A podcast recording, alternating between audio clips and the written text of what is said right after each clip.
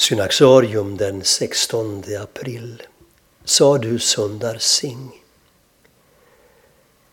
Sundar Singh föddes i Rambur i norra Indien där hans mor tidigt tog honom till en sadu, en helig man i den hinduiska traditionen samtidigt som hon sände honom till en kristen skola för att han skulle lära sig engelska. När hans mor dog kastades Sundar Singh som då var 14 år, in i en livskris. Han lät sin vrede gå ut över de kristna missionärerna. Som uttryck för sitt förakt köpte han en bibel och brände dess sidor medan hans vänner såg på. Tre dagar senare hade han bestämt sig för att begå självmord. Under natten ropade han ut sin förtvivlan. Om Gud inte visade sig för honom skulle han avsluta sitt liv vid ett järnvägsspår. Innan gryningen bröt in såg Sing en vision av Kristus med genomborrade händer. På sin sextonde födelsedag döptes han till Kristus i en kyrka vid foten av Himalaya.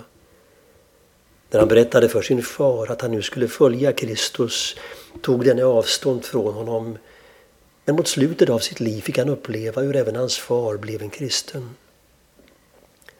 I oktober 1906 inledde Sundar Singh sin gärning som resande förkunnare. Han bar turban och en gul mantel likt en hinduisk sadu. Singh betraktade sig som en sadu, men en kristen sådan. Han insåg att evangeliet inte skulle nå indiernas hjärtan om det inte skedde på indiskt vis.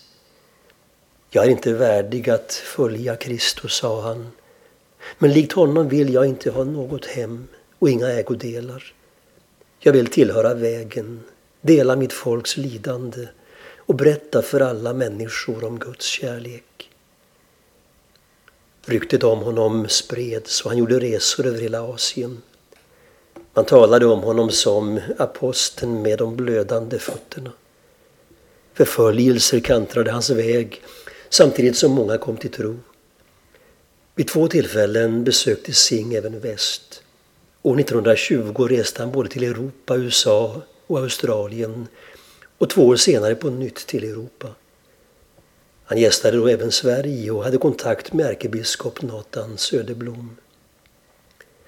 Evangelierna var denne indiske sadus stora kärlek och hans budskap om ett djupare Kristusliv nådde människors hjärtan i många traditioner. Han ser inte bara ut som Jesus, han talar som Jesus måste ha gjort, sa man. De många resorna tog på hans krafter och de sista åren av sitt liv ägnade Sundar Singh åt bön och skrivande. Mellan 1922 och 1928 författade han åtta böcker, idag översatta till många språk. År 1929 ville han göra en sista resa till Tibet trots att hans vänner avrådde honom. Han återvände aldrig från denna resa. Om han dog av utmattning eller nådde bergen förblev ett mysterium.